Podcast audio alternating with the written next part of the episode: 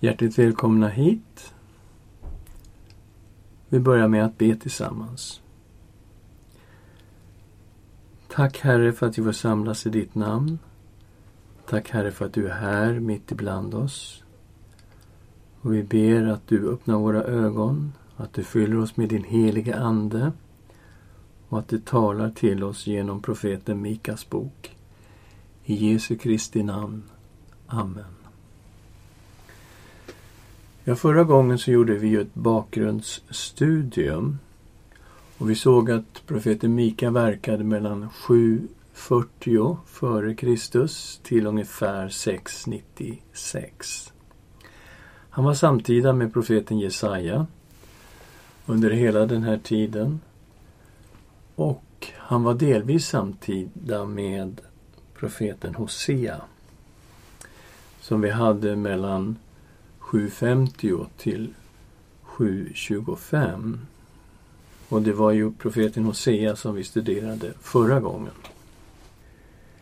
Vi kommer dela upp det här studiet i två delar och idag så kommer vi att titta på hur situationen faktiskt såg ut på profeten Mikas tid. Och sen nästa gång kommer vi ta upp mer om eskatologin det som ligger i framtiden, framtida visioner av hopp. Men idag ska vi alltså tala om situationen som den var i Mikas tid. Och vi kommer in som i en rättegång.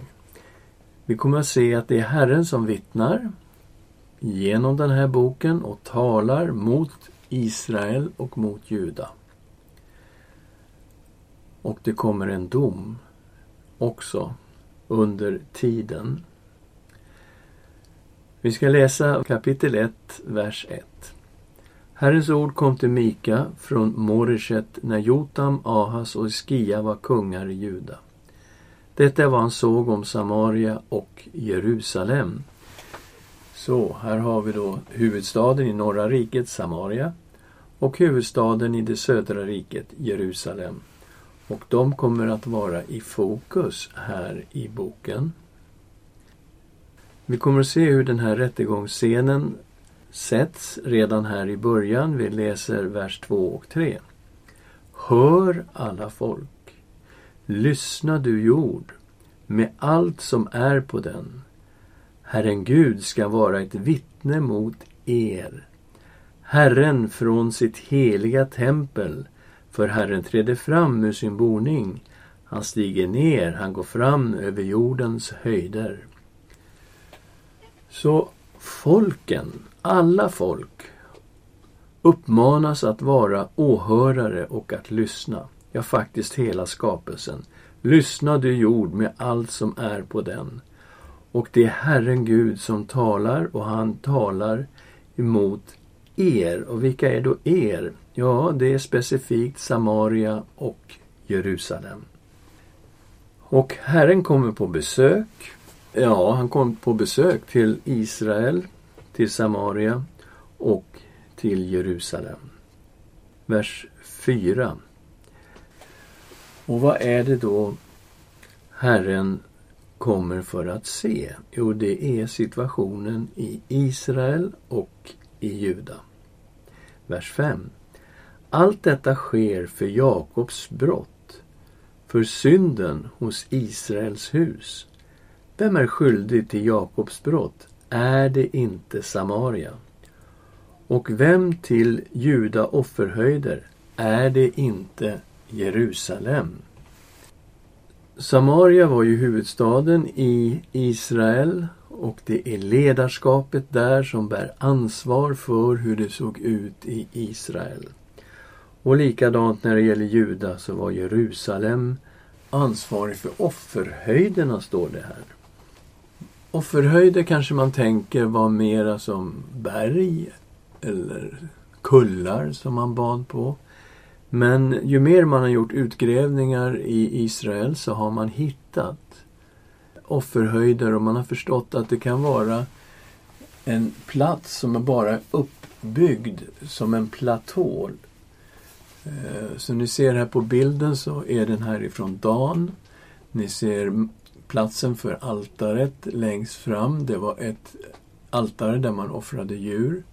Man har hittat ben i utgrävningarna från får och getter primärt, lite grann nötboskap. Men framförallt ben från får och getter när man grävde ut den här platsen i Dan. Det här är ju platsen där guldkalven stod i Dan. Och man läser i Konungaboken kung Jerobiam den första som satte upp guldkalven i Dan och i Betel. Han byggde också en offerhöjd. Och ni ser trapporna upp där bakom altaret. Så kommer den upp på en platå. Uppe på den här platån så stod det som en helgedom. Ett hus. Det har alltså pågått tillbedjan av guldkalven här och offer inför den här guldkalven. Så det här är ett typexempel på vad en offerhöjd kunde se ut som. Och Herren talar, Gud talar. I vers 6. Därför ska jag göra Samaria till en stenhög på marken, till en plats för vinodling. Jag ska vräka hennes stenar ner i dalen och blotta hennes grundvalar. Och när man besöker Samaria idag så är det verkligen som en stenhög på marken och grundvalarna är blottade. Det är ingen vinodling på platsen men väl en olivodling. Och de här stenarna som skulle vältras ner i dalen, fortfarande så ser man stora stenblock som kommer från Samaria som har vältrats ner över kanten och som har rullat ner i dalen. Så här är det en detaljprofetia av Samarias undergång. Och vi vet att den verkställdes då 722 f.Kr. när assyrierna intog Samaria och förde Israels folk i fångenskap till Assyrien. Orsaken kommer i vers 7. Alla hennes avgudabilder ska krossas. Alla hennes otuktsgåvor ska brännas upp i eld.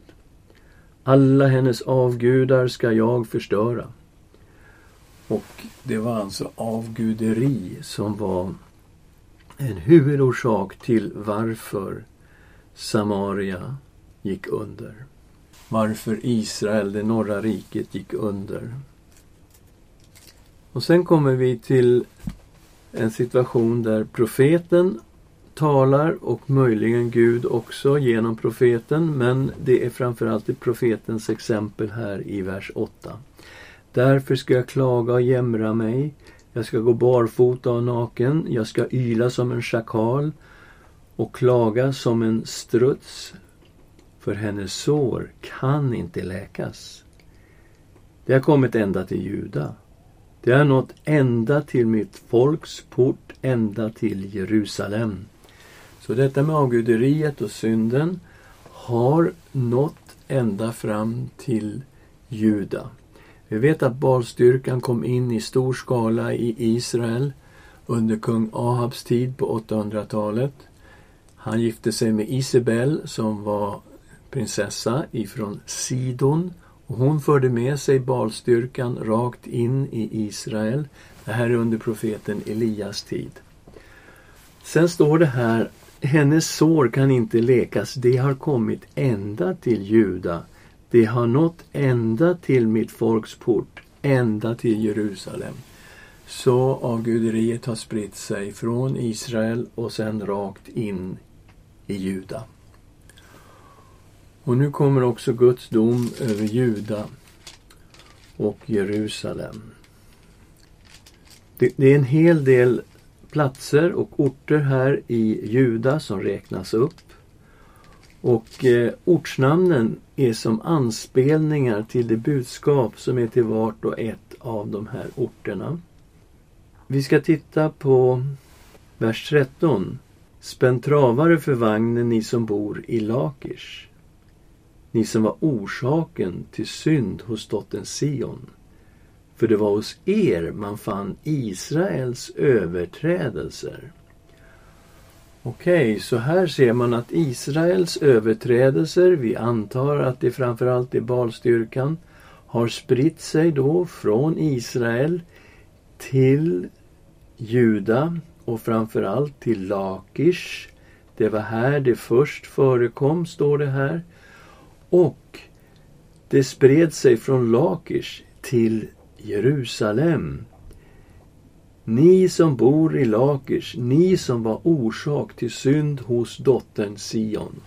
Och Sion i Mikas bok, det är en synonym med Jerusalem. Så synden har alltså spritt sig från Israel till Lakish till Jerusalem. Och det beskrivs en invasion av alla de här platserna. Och det här skedde ju när Assyrien invaderade Juda år 701 före Kristus. Och man tog i stort sett alla städerna i Juda inklusive Lakish. Men man tog aldrig Jerusalem. Gud bevarade Jerusalem från assyrierna.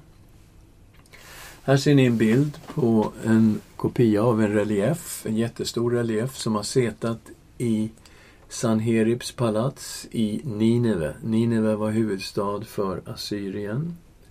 Och den här reliefen beskriver just hur assyrierna intog Lakish.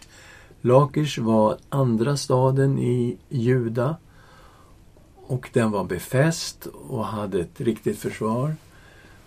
Och här har alltså assyrierna intagit den här staden, satt eld på den och tagit ganska många fångar härifrån till Assyrien.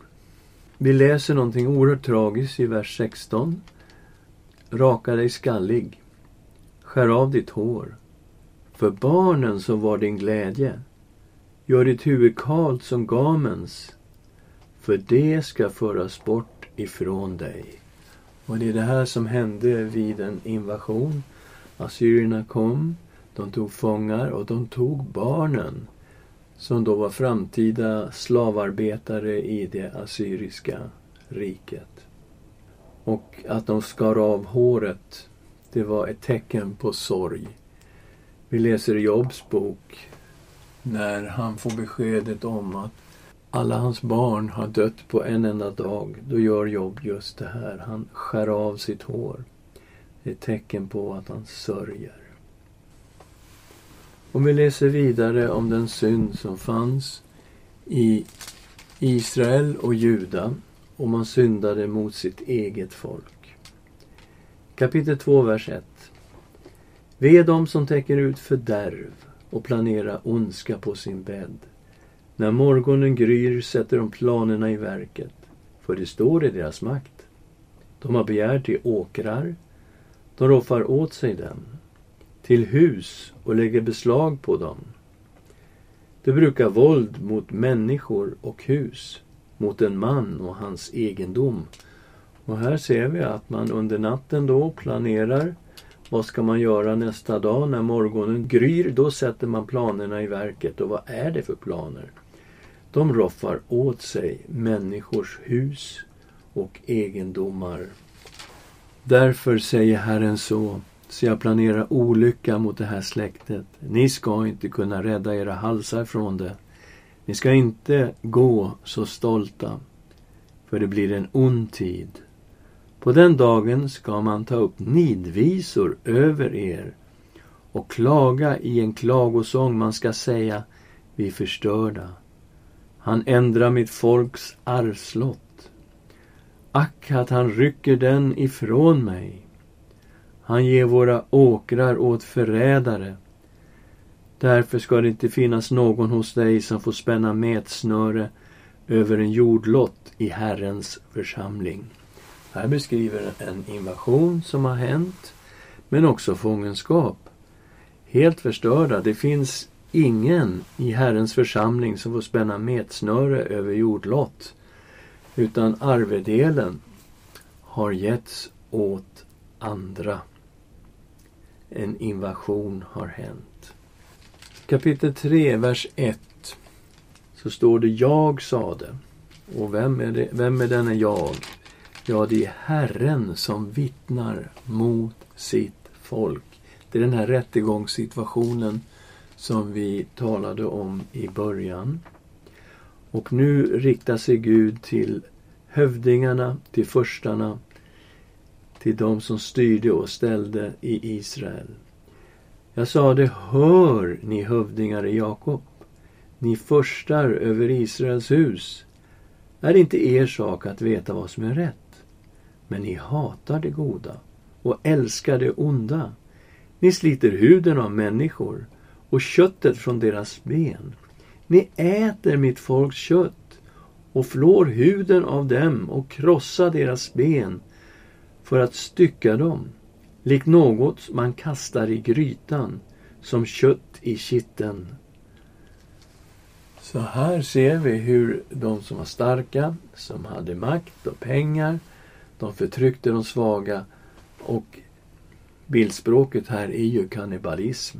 Att de faktiskt äter av mitt folks kött. Så det var en fruktansvärt förtryck av de som var svaga och hjälplösa. Vers 4. När de ropar till Herren ska han inte svara dem.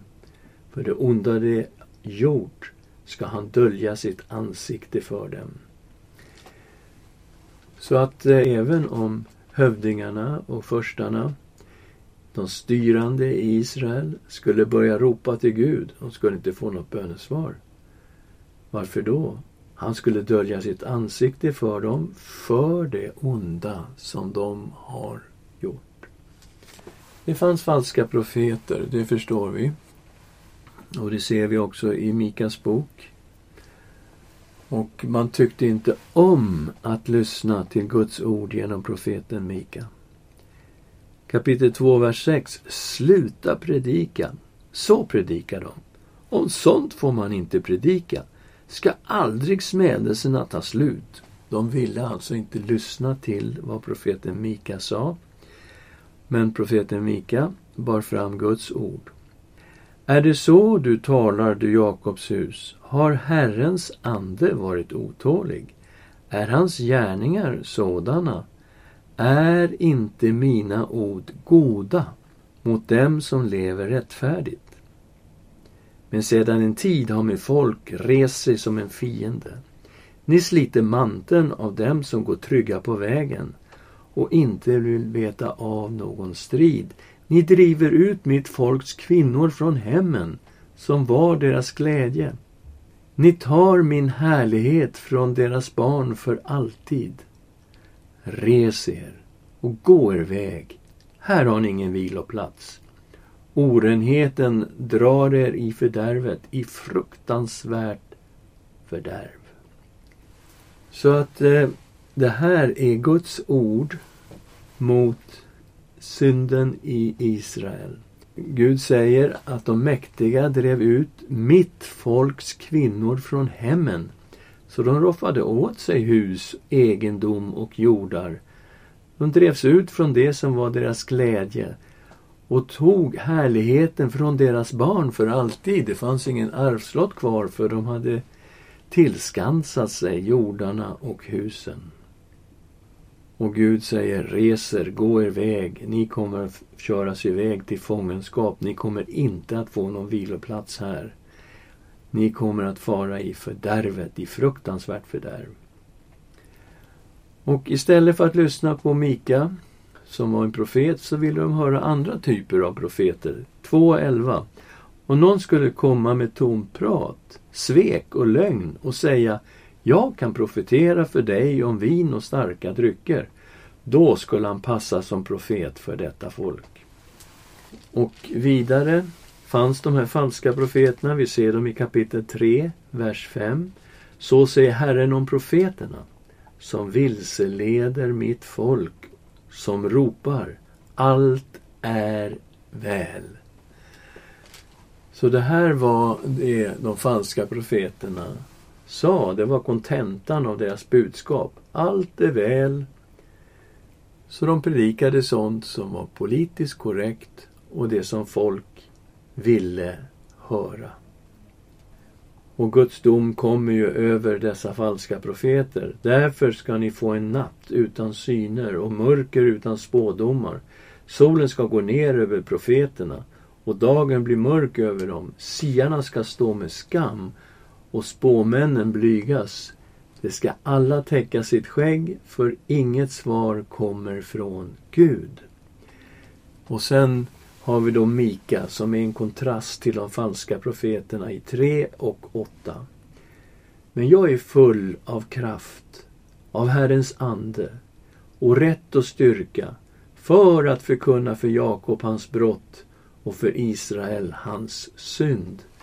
Så Mika var väldigt viss om att han var en Herrens profet, att han var fylld av Herrens ande och han hade inget politiskt korrekt budskap att allt stod väl till. Han predikade mot Israel, hans synd. Han talade ut mot synden i landet. Och vad var det han sa? 3 och 9. Hör nu detta. Ni hövdingar över Jakobs hus och förstar över Israels hus. Ni avskyr det som är rätt och förvrider allt som är rakt. Ni bygger upp Sion med blod och Jerusalem med ondska. Och det här profetian riktas specifikt mot Jerusalem. Stadens hövdingar dömer för mutor. Prästerna undervisar för betalning och profeterna spår för pengar. Ändå stöder de sig på Herren och säger, är inte Herren mitt ibland oss? Olycka ska inte drabba oss. Så här kommer Guds ord genom profeten Mika till ledarskapet till de styrande i Jerusalem. De som dömde för mutor, prästerna som undervisade för betalning, profeterna som spår för pengar. Och vad är det de säger? Just det här som är politiskt korrekt. Är inte Herren mitt ibland oss, olycka ska inte drabba oss. Det var vad folk ville höra. Och det är klart, de hade ju rätt på ett sätt. Templet stod ju där i Jerusalem. Herren var mitt ibland dem. Och de sa den här staden kommer inte kunna falla. Det är lugnt. Men då kommer profetian mot Jerusalem i vers 12. Därför ska Sion för er skull plöjas upp till en åker. Jerusalem blir en stenhop och Tempelberget en skogsbevuxen höjd. Och här kommer alltså en direkt profetia mot just Jerusalem. Templet skulle förstöras. Allt det här gick i uppfyllelse 586 före Kristus när den babyloniska armén kom och förstörde Jerusalem och förstörde templet och förde folket i Juda iväg till, i fångenskap till Babylon. Och här ser ni några bilder från södra tempelingången och när vi var där förra året så la vi märke till att de har ju grävt ner under murarna, rakt under Aksamoskén faktiskt. Och de gräver sig ner mot det första templets tid. Det som stod på Mikas tid, det är Salomos tempel, det är dit ner man försöker komma och man gräver alltså ner under Aksa-moskén. Och vad skulle hända? Fångenskap väntade i Babel. Vi kommer till kapitel 4, vers 9. Men varför ropar du så högt? Finns det ingen kung hos dig? Är din rådgivare borta? Eftersom du grips av vånda likt en barnföderska. Så, det fanns ingen kung kvar. Och det betyder att riket hade fallit, folket hade förts bort i fångenskap. Tionde versen. Vrid dig i födslosmärtor lik en födande kvinna, dotter Sion. För nu måste du dra ut ur staden och bo på öppna fältet. Ända till Babel ska du komma. Där ska du befrias. Där ska Herren förlossa dig ur dina fienders hand. Så, ända till Babel skulle de komma. Det var 586, sa vi, som den babyloniska armén intog Jerusalem, förstörde Jerusalem och förstörde templet i Jerusalem. De skulle föras som fångar till Babel. Men det står också att de skulle befrias därifrån. Och det skedde 539 när de persiska arméerna under kung Korers ledning intog Babel och befriade judarna. Judarna fick tillåtelse efter det här att återvända för att bygga upp Jerusalem och bygga upp templet. Och det här är en mycket märklig profetia om Babel därför att under Mikas livstid så var inte Babel en stormakt. Det var en del av det assyriska imperiet. Och det var först 625 som Babel frigjorde sig ifrån Assyrien. Och sen följde flera krig mellan Babel och Assyrien. 612 föll Assyriens huvudstad Nineve. Och slutligen 605 så besegrades slutgiltigt den assyriska armén och det assyriska imperiet upphörde 605 och vi får det babyloniska imperiet istället. Men under Mikas tid, ungefär hundra år innan Babel frigör sig ifrån Assyrien så står den här detaljprofetian om att Juda och Jerusalems folk kommer att föras till Babel och de kommer också att befrias ifrån Babel. Och man ser att de tittar långt in i framtiden och ser vad det är som kommer att hända. Vi går till 4.11. Nu samlas många folk mot dig och de säger hon ska bli orenad. Våra ögon ska se med lust på Sion. Och det här beskriver vad som hände 586 när de babyloniska arméerna kom upp emot Jerusalem och de ska se med lust på Sion. Men de känner inte Herrens tankar och förstår inte hans rådslut att han har samlat dem som kärvar till tröskplatsen. Res dig och tröska dotter Sion, för jag ska ge dig horn av järn och klövar av koppar. Du ska krossa många folk och viga bytet från dem åt Herren, deras skatter åt hela jordens Herre. De förstod inte Herrens tankar. Herrens tankar sträckte sig hundratals år framåt. Faktiskt när vi kommer till kapitel 5, vers 2 så står det om Messias som ska födas i Betlehem. Detta med Messias födelse i Betlehem är som ett centrum i boken av vad Gud kommer att göra i framtiden. Men det är någonting som vi kommer att titta på nästa gång. För nästa gång ska vi ta upp detta med hoppet som Gud talar till detta folk mitt i den mörka, svåra tiden som de befinner sig i. Men de här folken alltså som kom upp emot Jerusalem, de kände inte Herrens tankar. De förstod inte hans rådslut. Och i 5 och 1 står det Samla nu dina skaror, du skarornas stad. Du reser belägringsvallar mot oss. Du slår Israels domar med käpp på kinden. Okej, okay, skarornas stad, det blir en beskrivning av Babel. De här arméerna som kom, de var inte bara etniska babylonier utan det fanns legoknektar från många olika folk som utgjorde de här arméerna. Så det var människor från många folk som samlades runt Jerusalem år 586. Men de förstod inte Herrens tankar. De förstod inte hans rådslut. Han hade någonting som sträckte sig långt in i framtiden. Det var det som var Herrens tankar och rådslut. Och det kommer vi titta på nästa gång. Men nu fortsätter vi här. Rättegången mot Guds folk fortsatte. Vi kommer till det sjätte kapitlet och nu ser vi att rättegången mot Israel förs inför bergen. Hör vad Herren säger. Res dig och gå till rätta inför bergen och låt höjderna höra din röst.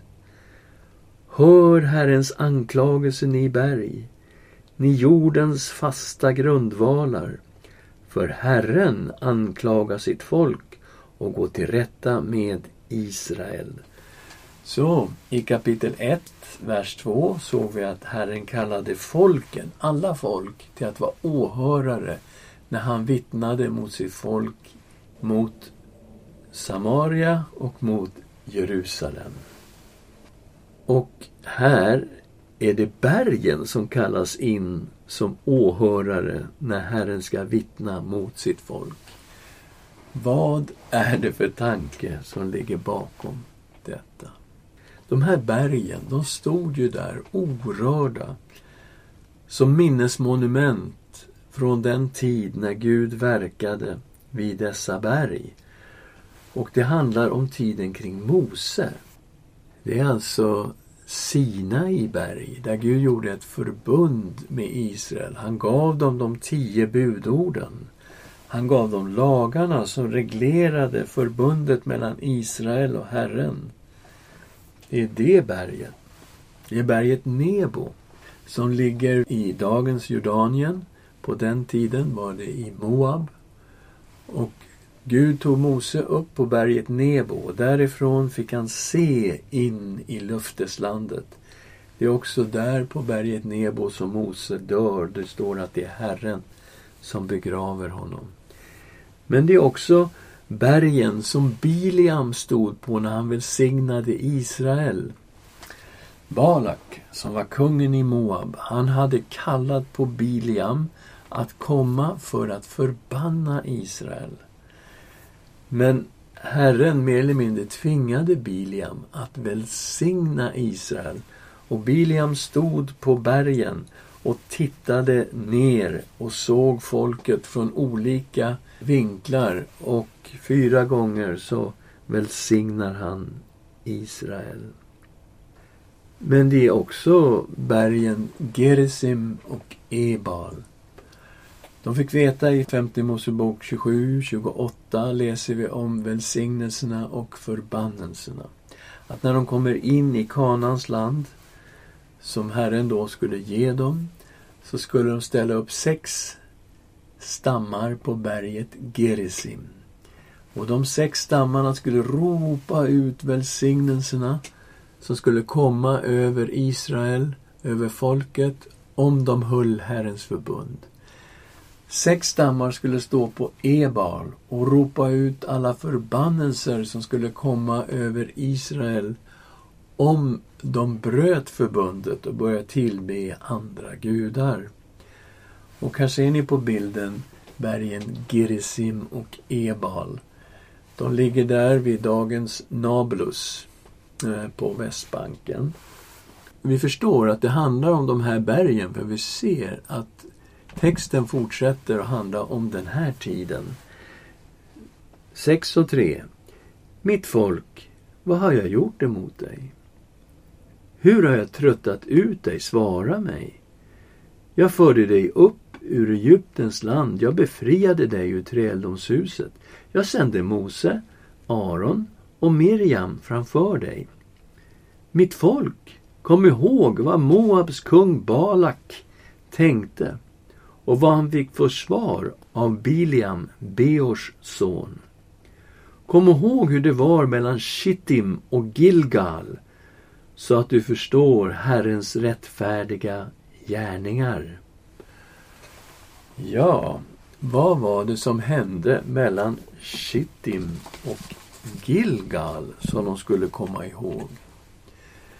Här ser ni en bild som är tagen från Jeriko det mörka som ligger mitt i bilden, det är Jordandalen med Jordanfloden. Och där borta så ser ni bergen. Och det är Jordanien idag. Det var Moab på den här tiden. Och Shittim ligger just på andra sidan Jordan, borta vid bergen där.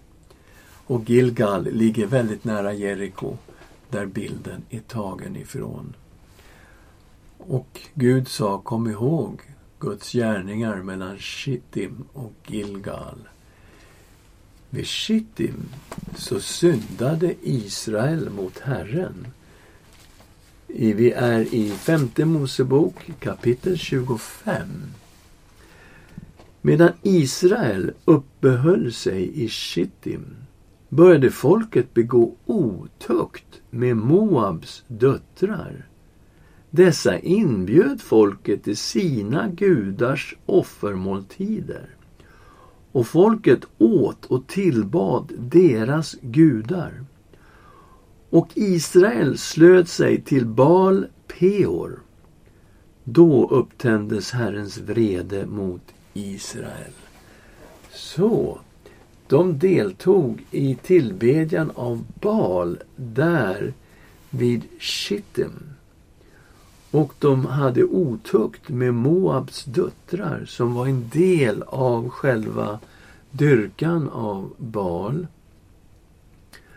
Och Guds vrede upptändes mot Israel. Och det står i fjärde Mosebok 25 och 9.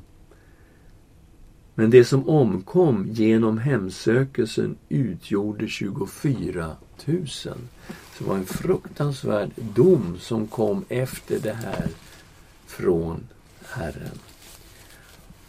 Och man kan undra vad var det egentligen som hände? Biliam hade ju stått där och välsignat Israel på just den här platsen.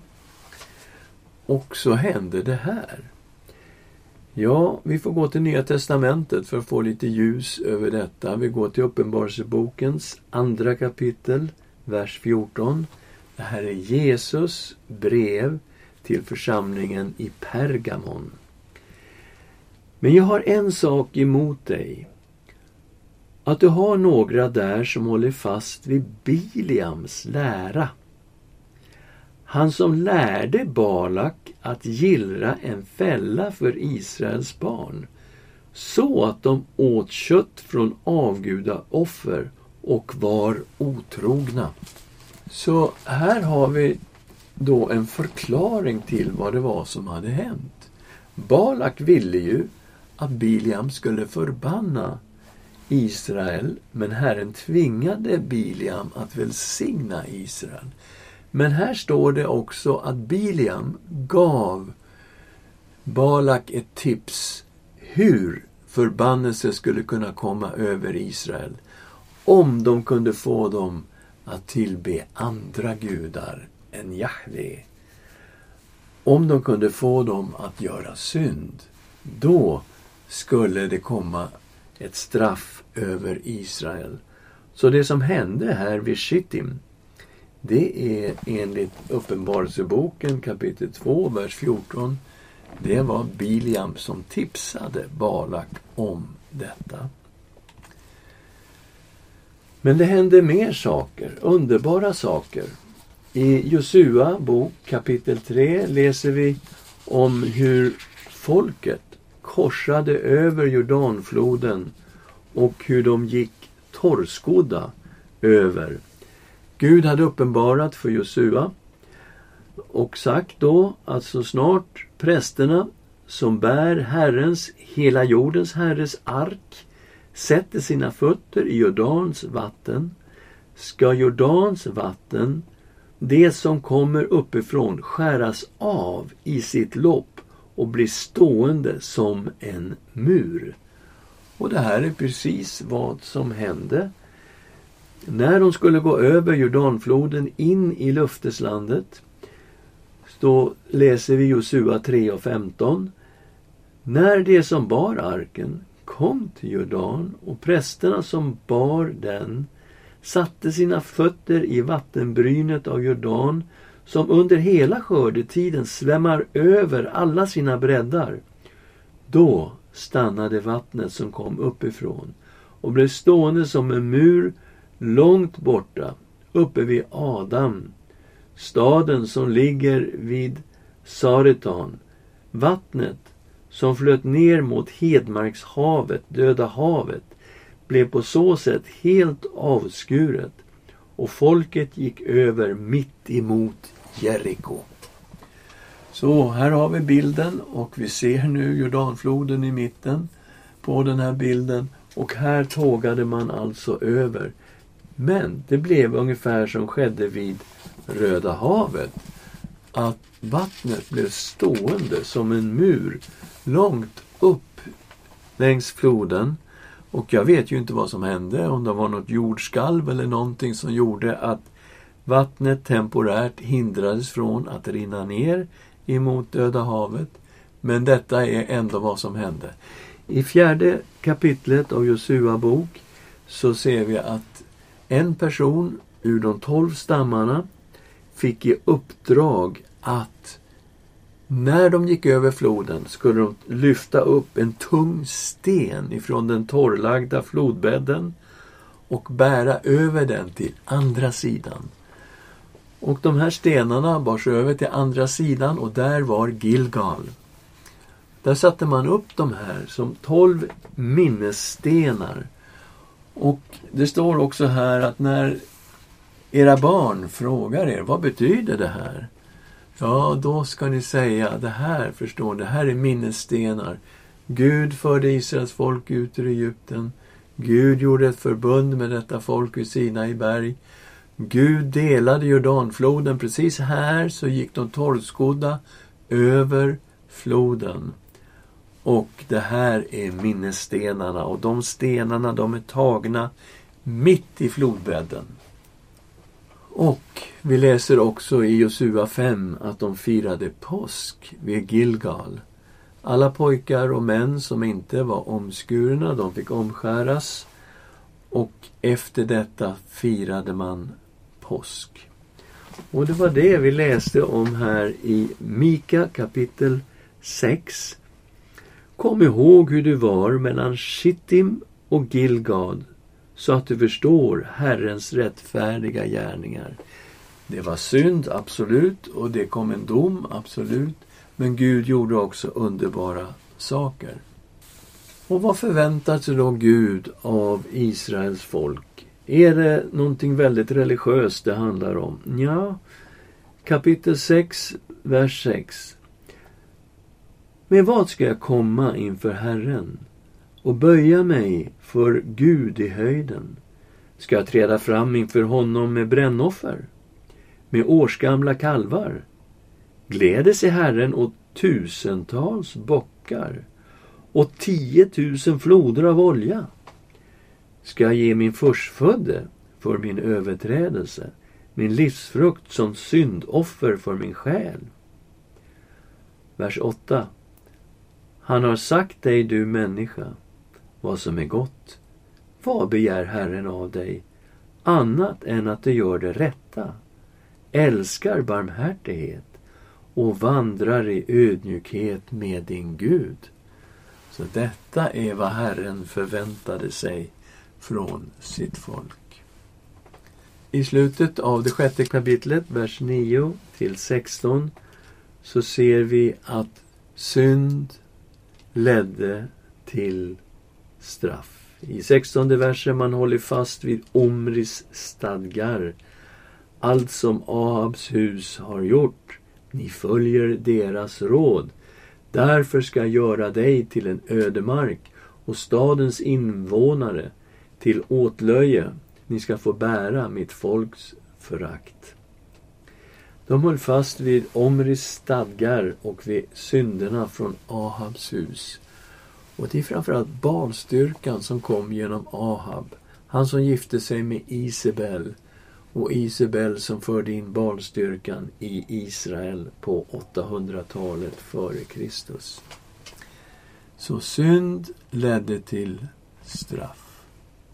Och situationen var verkligen katastrofal. Vi kommer in i det sjunde och sista kapitlet. Och det saknades frukt. Det fanns ingen frukt. Ve mig, det är med mig som när sommarens frukt är insamlad, som när efterskörden efter vinbärningen är slut, alltså det finns ingenting kvar att hämta. Det finns ingen druvklas att äta, inget tidigt fikon som jag längtade efter. Den goda frukten var borta. Vers 2. De fromma är försvunna från jorden. Ingen bland människorna är ärlig. Alla ligger de på lur efter blod. Var och en vill fånga den andra i sitt nät. Deras händer är skickliga på att göra det onda. Försten begär gåvor och domaren mutor. Den mäktige kräver vad han vill ha. Så gör de gemensam sak. Den bäste bland dem är som ett törnsnår. Den ärligaste värre än en törnhäck. Och det gick faktiskt inte att lita på någon. Vers 5. Tro inte på en vän, lita inte på en förtrogen. Vakta din muns dörrar för henne som vilar i din famn. För sonen föraktar sin far. Dottern trotsar sin mor. Sonhustrun sin svärmor. Och var och en har sin egen familj till fiender. Det här är en vers som Jesus sen använder och vi ska titta på det nästa gång.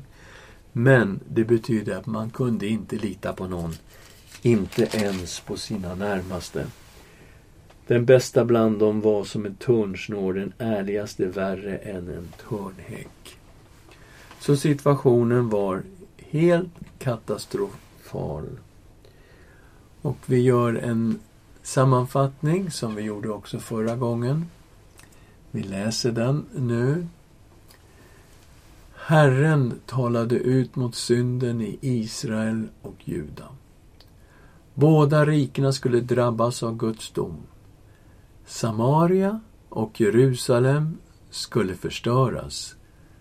Samarias undergång läste vi om i detalj i kapitel 1, vers 6 och Jerusalems undergång i kapitel 3, vers 12. Det norra riket gick under 722 före Kristus. Juda skulle en dag föras till Babel och det skedde 586 f.Kr.